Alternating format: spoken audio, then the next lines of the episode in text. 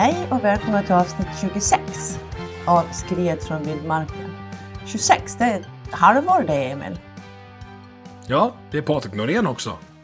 Ja, det är det. Och ett tag även eh, Patrik Zackrisson. Ja, så kan det vara. Idag är det jag som börjar och idag hade jag koll på det. Idag är det du som börjar. Ja, Det bara för att jag redigerade förra avsnittet igår och la ut det. Så, så, så långt är mitt eh, minne. Det är alltså måndag morgon klockan kvart över ett. ja. Ja. Jag ska prata om mod. ja. Jag ska prata om en modig människa.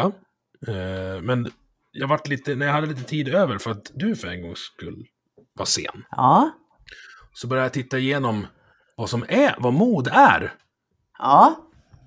Eh, det är ju liksom någon sån praktisk filosofi-grej som man inte funderar över särskilt mycket. Men man säger ofta att ja, men du är så modig eh, som, som gör så här. Mm. Eh, Det finns många definitioner av det. Jag har bland annat hittat en svensk eh, filosof som heter Per Baun. Eh, nere i Lund någonstans. Som har skrivit jättemycket om det. Så då har jag jättemycket nya ljudböcker att lyssna på. Men det som sammanfattar mod är att man gör någonting fast det kan finnas negativa konsekvenser. Mm. Kan vi vara överens om den definitionen? Ja, om man är rädd för, alltså det är någonting som kan vara farligt att göra. Ja, Precis. Det finns alltså inget mod utan ett visst mått av, jag ska inte säga rädsla, men risk i alla fall. precis. Risk. Mm. Eh, det är en kille som heter Einar Wiman som skriver på motivation.se att modets innersta kärna är sårbarhet. Att våga exponera sig och utsätta sig för världen. Att stå för den man är och de värderingar man representerar, trots de reella eller inbillade risker det innebär.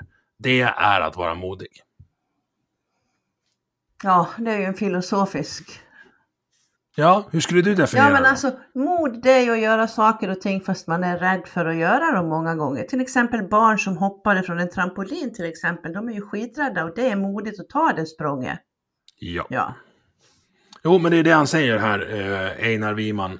Att stå för det man gör trots de reella eller inbillade risker som finns. ja. Alltså det spelar ingen roll om det är farligt på riktigt. Om du upplever att det Absolut. kan vara farligt, men du ville att ta risken och gör det Mm. ändå. Det är mod. Bra. Det här kommer jag fördjupa mig i i min andra podd Vi måste prata någon gång framöver när jag får tag på antingen den här Per Baun eller någon annan praktisk filosof som kan hjälpa mig att definiera detta. Mm. Men nu utgår vi från den här definitionen. Att göra någonting fast det finns risker. För att man tycker att det är rätt. Mm. Alternativt att man tycker att vinningen man får är värd risken. Mm. Är vi överens? Mm, det är vi överens om. Och det leder mig då in på Sara Skyttedal, förstår du. Mhm.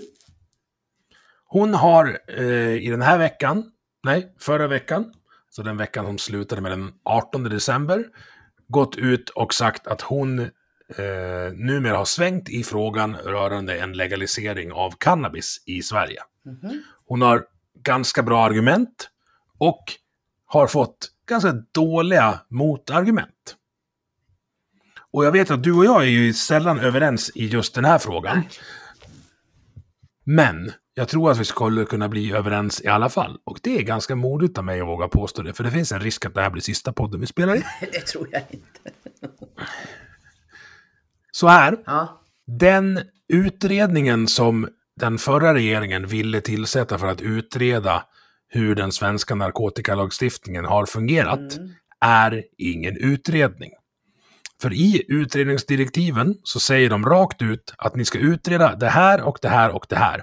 Men ni får inte komma fram till de här fyra följderna som rekommendationer på utredningen. Nej. Vilket gjorde att de fick ju ingen som ville utreda det här. För det där är ju inte ett vetenskapligt sätt att se på saker och ting. Nej. Det man ska ha klart för sig när det gäller Sara Skyttedal är att hon har varit något av en, inte, man kan nog inte kalla en kristdemokrat för spåtant kanske, då kanske de blir sura. Men hon har haft en del insikter tidigt som efter ett tag blev allmänna insikter. Hon har pratat om en havererad migrationspolitik. Hon har pratat om decembers, decemberöverenskommelsen, som jag också har läst på lite nu när jag hade tid, skulle räcka i åtta år, men räckte nio månader. Mm. För att det var en jävla skitöverenskommelse. För du hinner Jag mycket tror- på sju minuter. Ja. Ja. Jag tror att hon även här har rätt. Och då kanske det inte är så modigt.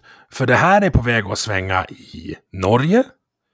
Det är på väg att svänga i Danmark. Alltså Danmark, danskar är ju lite ja för fan Ja. i vanliga fall. Precis. Och även i Tyskland som ju är dels ett land som påverkar Sverige väldigt mycket. Men också är ett land där kristdemokratin ligger ganska cementerad.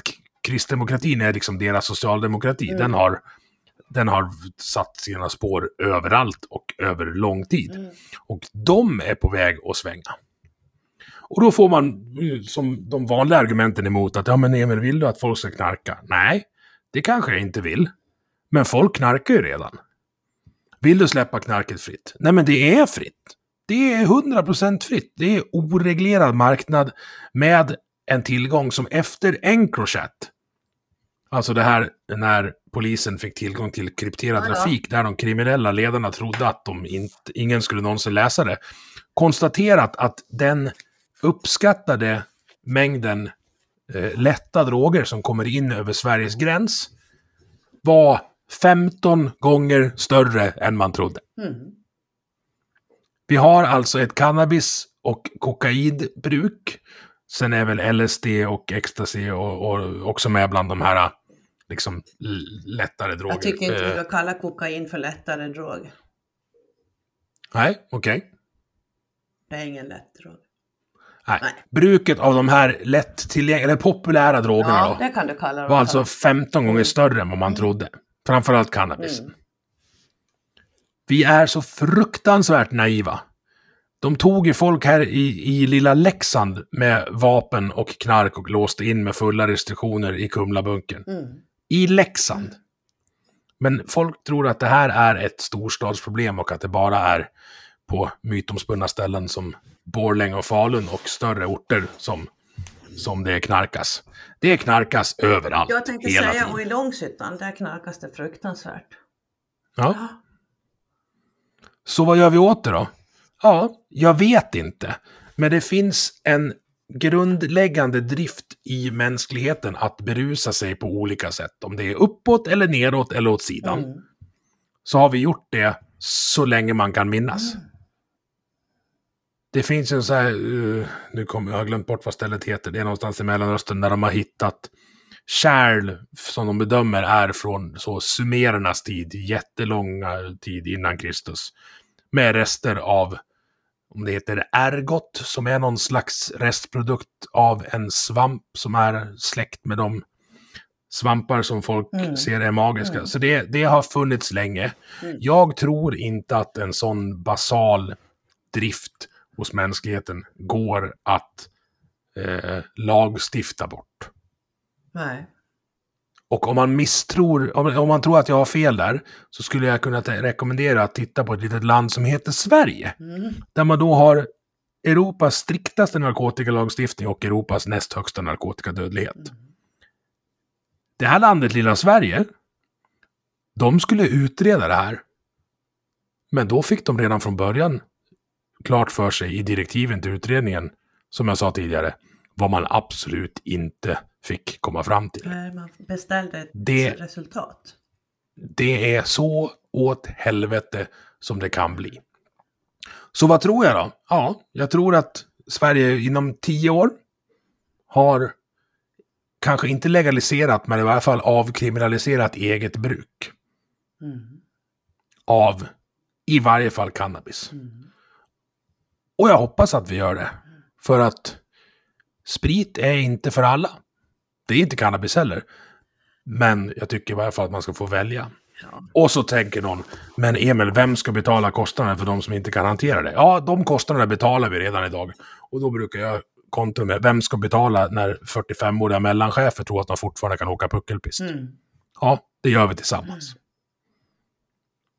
Nu är det är det. Eller nu får, du, nu får du reagera på det toket jag säger. Nej. Jag sätter nära nu. Ja, men jag sitter nära. Men jag tänker att eh, när jag var ung för länge sedan, då pågick den här diskussionen om alkohol. Att man skulle Ja. släppa det fritt.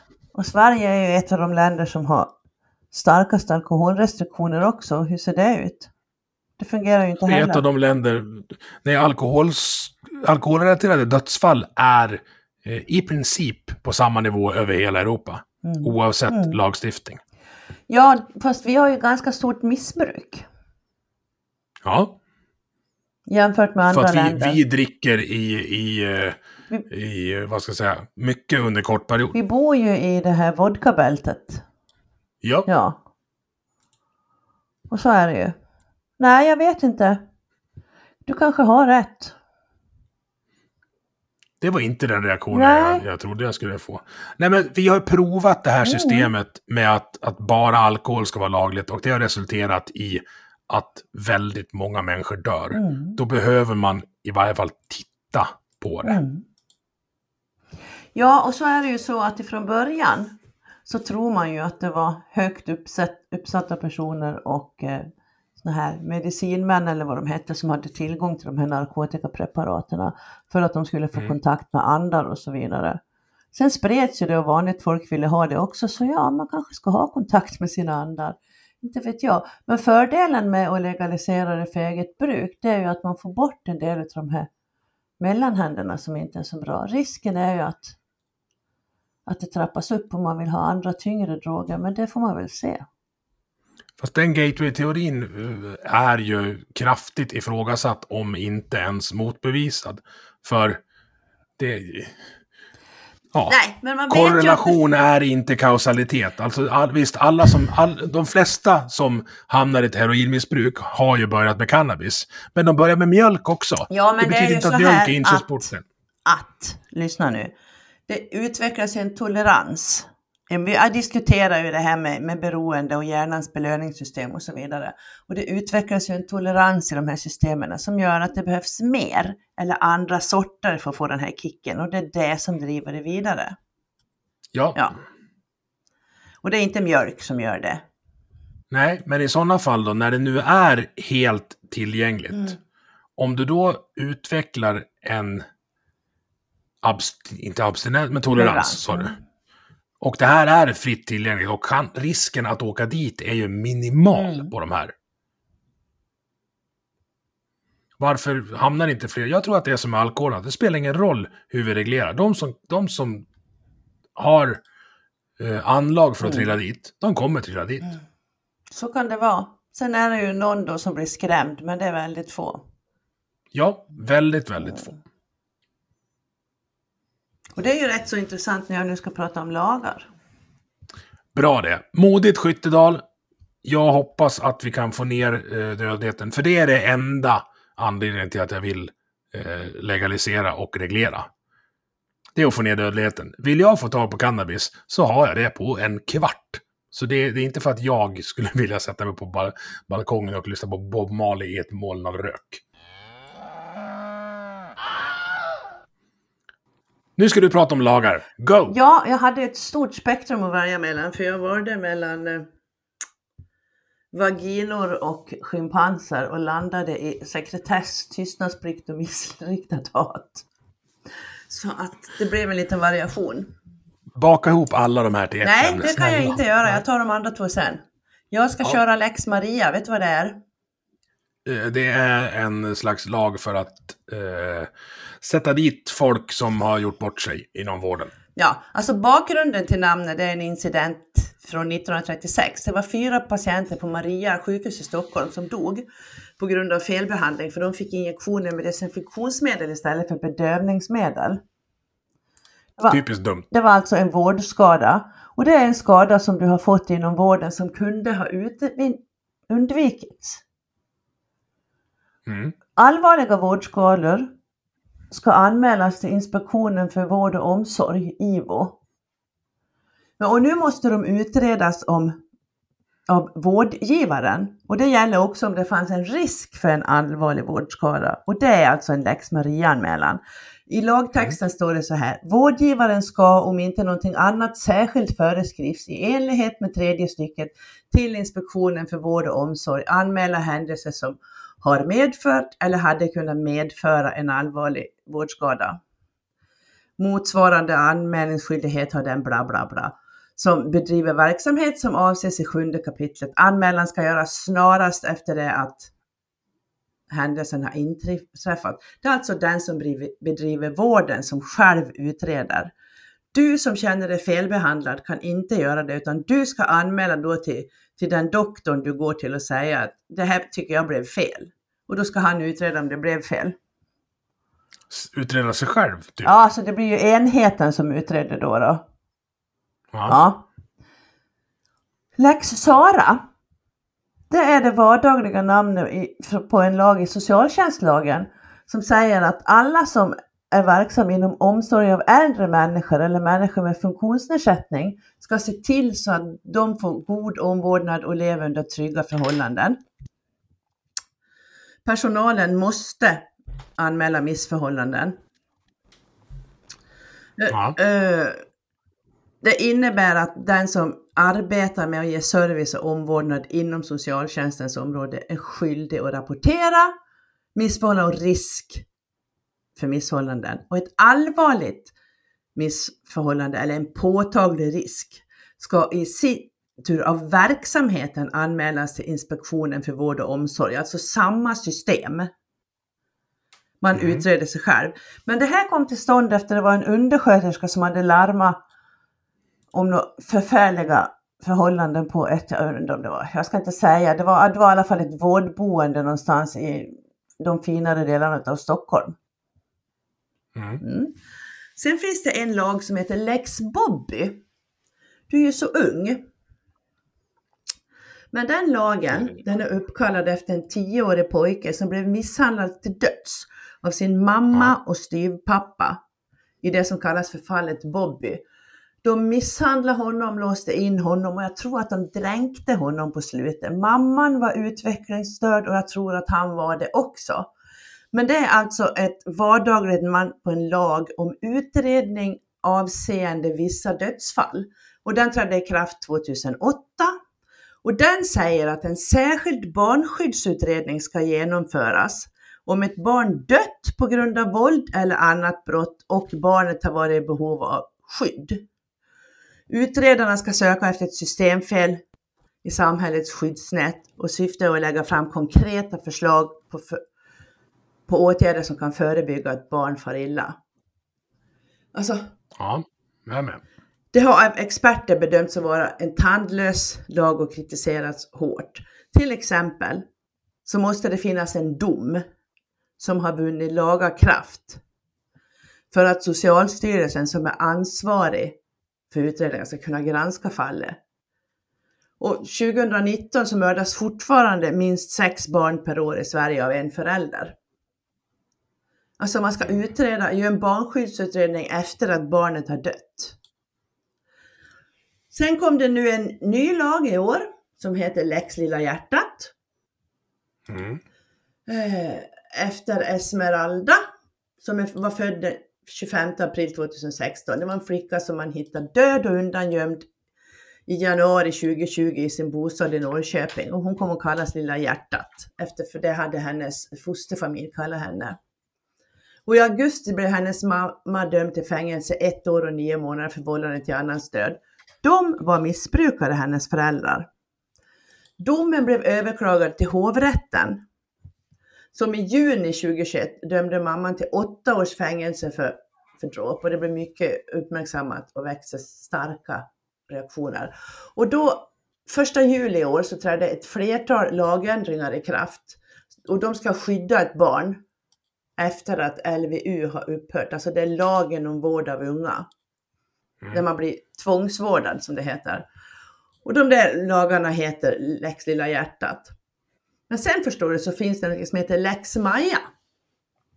Mm. Och det är ett vardagligt namn på det i offentlighets och sekretesslagen som föreskriver att var och en som är verksam inom vård och omsorg från och med den 1 april 2019 utan hinder av sekretess i vissa fall får anmäla till Länsstyrelsen eller polisen om de upptäcker ett djur som har blivit vanvårdat hos en vårdtagare.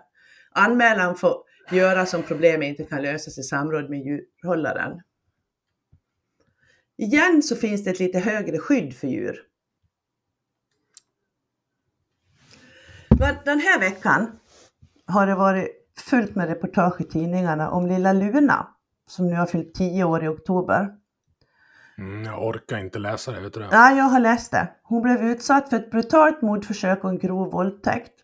Hon blev attackerad av en 15-årig pojke som slog henne med sin hand och så hade han en pinne och så försökte han att strypa henne med skosnören och band fast henne i en, i en vägskylt eller om det var i ett träd. Och i elva dagar så svävade hon mellan liv och död och ingen visste om hon skulle överleva när hon låg inne på IVA på, i Umeå. Tyvärr så gjorde hon det. Och förra veckan så blev pojken dömd till rättspsykiatrisk vård med särskild utskrivningsprövning. Och det har förekommit enorma hatkampanjer mot den här pojken och hans familj på grund av etnicitet. Du vet hur det låter, kasta ut packet och så vidare. Mm. Nästan fem månader har nu gått sedan hon blev attackerad och hennes familj pratar om det här. Hon har fått skador för livet, de är irreversibla. Alltså de går, kommer inte att gå tillbaks. Och hon är fortfarande på sjukhus. Hon har inte fått tillbaka sin talförmåga, men de har lärt sig att läsa av så här när hon inte mår bra och blir orolig och så vidare. Den mesta av maten får hon genom en pegslang i magen, men nu börjar hon kunna äta lite grann via munnen.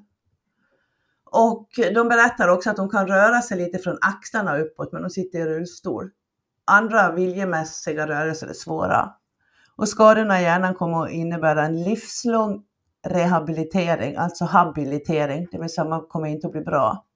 I början säger de så kände de också ett oerhört hat, men inte mot pojken som utförde handlingarna utan mot systemen runt omkring honom. Det är flera mm. incidenter som har rapporterats kring den pojken, det är en tydlig bild som blir uppmålad. Det sträcker sig tillbaka till 2017. Då konstateras att han har en intellektuell funktionsnedsättning, det vill säga han har en mental retardation, utvecklingsstörning, kalla det för vad ni vill. Han har en lägre begåvningsnivå än folk flest. I senare mm. dokument från 2019 så förekom han i flera utredningar om kränkande behandling av kvinnor och flickor. Han blev då utredd för att slagit andra elever på rumpan, tagit en lärare på bröstet och få kalla en flicka för hora. Och 2020 så bedömde rektorn på den skolan att incidenterna var hanterade för pojken gick inte längre kvar på skolan. Han är också känd av polisen sedan tidigare och misstänks tidigare ha försökt överfalla en kvinna vid en gångtunnel i närheten av den platsen där han hittade Luna. Hur kunde han göra det här då, trots allt det här? Varför tog inte socialtjänst och skola varningssignalerna på allvar? Och det är det familjen ställer, frågar sig nu. Vad är det som har hänt? Och de är kritiska till både socialtjänsten och skolans hantering av, hans, av pojkens oroväckande beteenden. Man kan aldrig veta hur det hade blivit, men det är i alla fall skött illa, säger de. De säger att incidenterna har inte tagit på tillräckligt stort ansvar, men framför allt så ser de det som ett problem att socialtjänst och skola inte delat information om pojken med varandra. Det är inte idag tillåtet på grund av sekretess och familjen vill att det ska förändras. För de förstår inte varför det ska vara sekretess mellan myndigheter som är till för att skydda barn.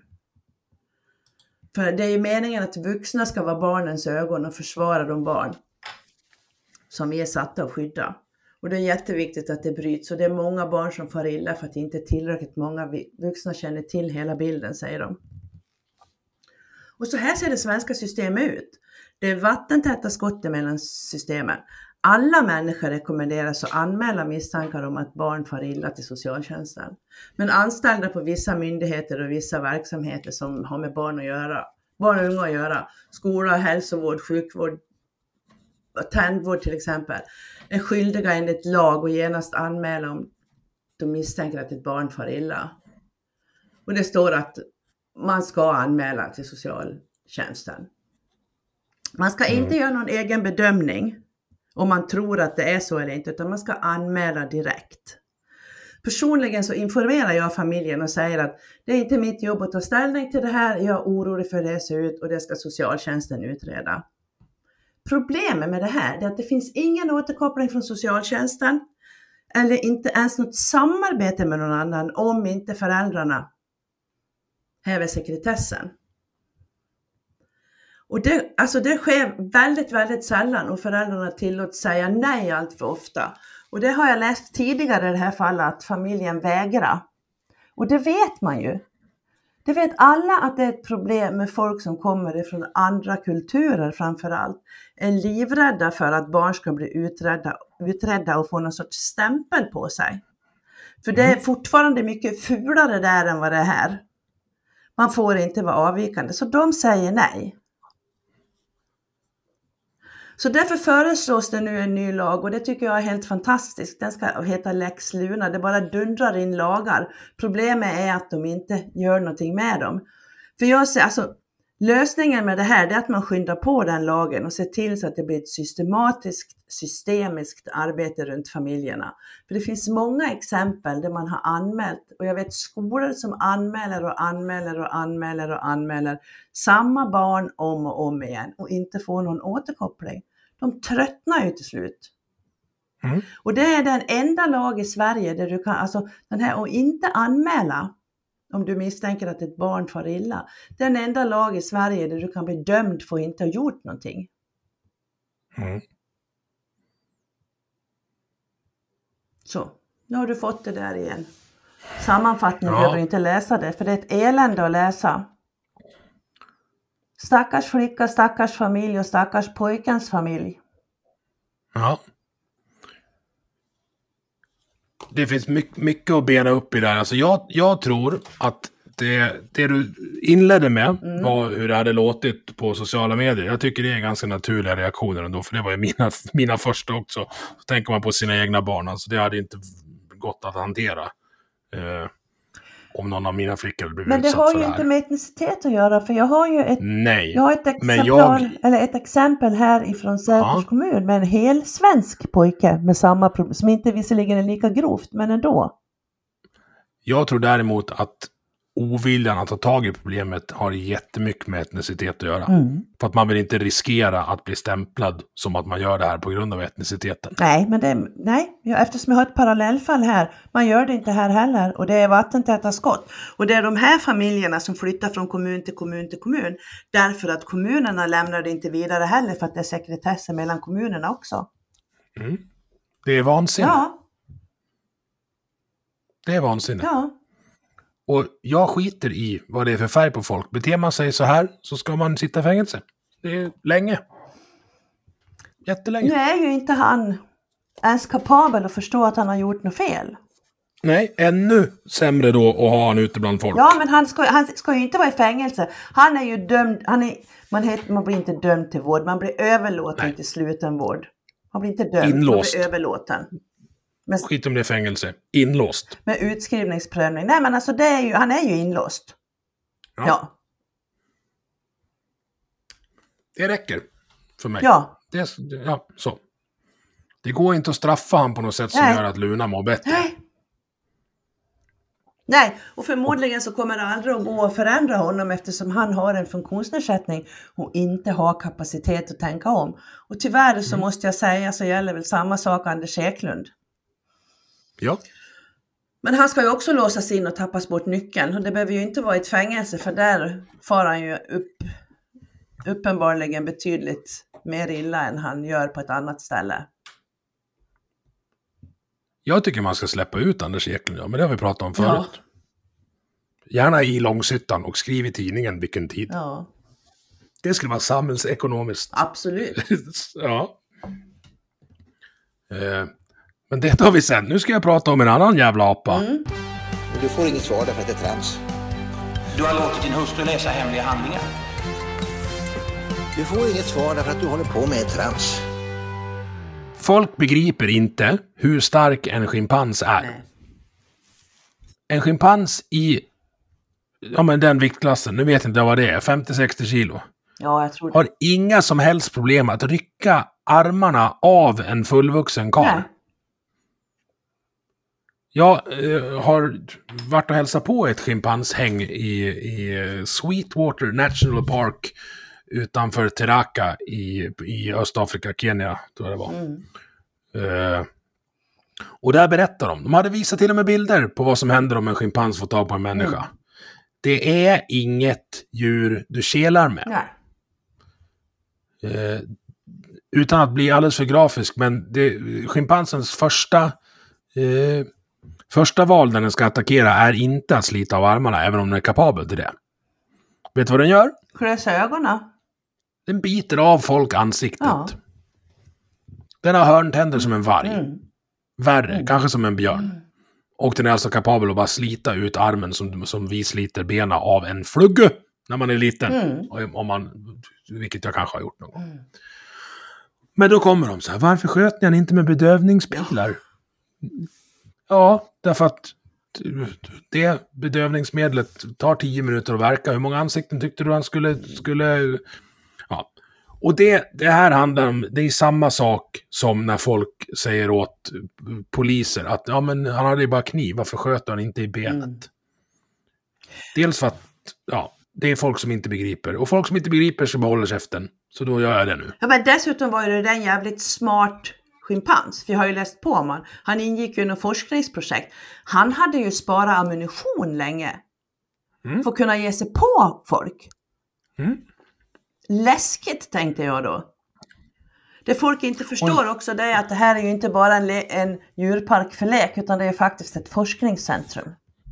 Ja, Ja, nej det är bara det trams. folk, det folk borde förstå är hur allvarligt saker och ting Ja. är när jag inte vill ha han ute bland folk. Ja. Ens i Gävle. Nej. Inte ens i Mora. Jag, jag har inga kommentarer till det. Men du, Nej, nu är vi klara för idag. god jul! Jag tycker att Sara Skyttedal är modig och borde få röka gräs. Agneta eh, tycker att sekretess inte alltid är av godo. Och folk som inte kan någonting om apor ska sluta apa sig. Tack för idag! Tack för idag och god jul igen!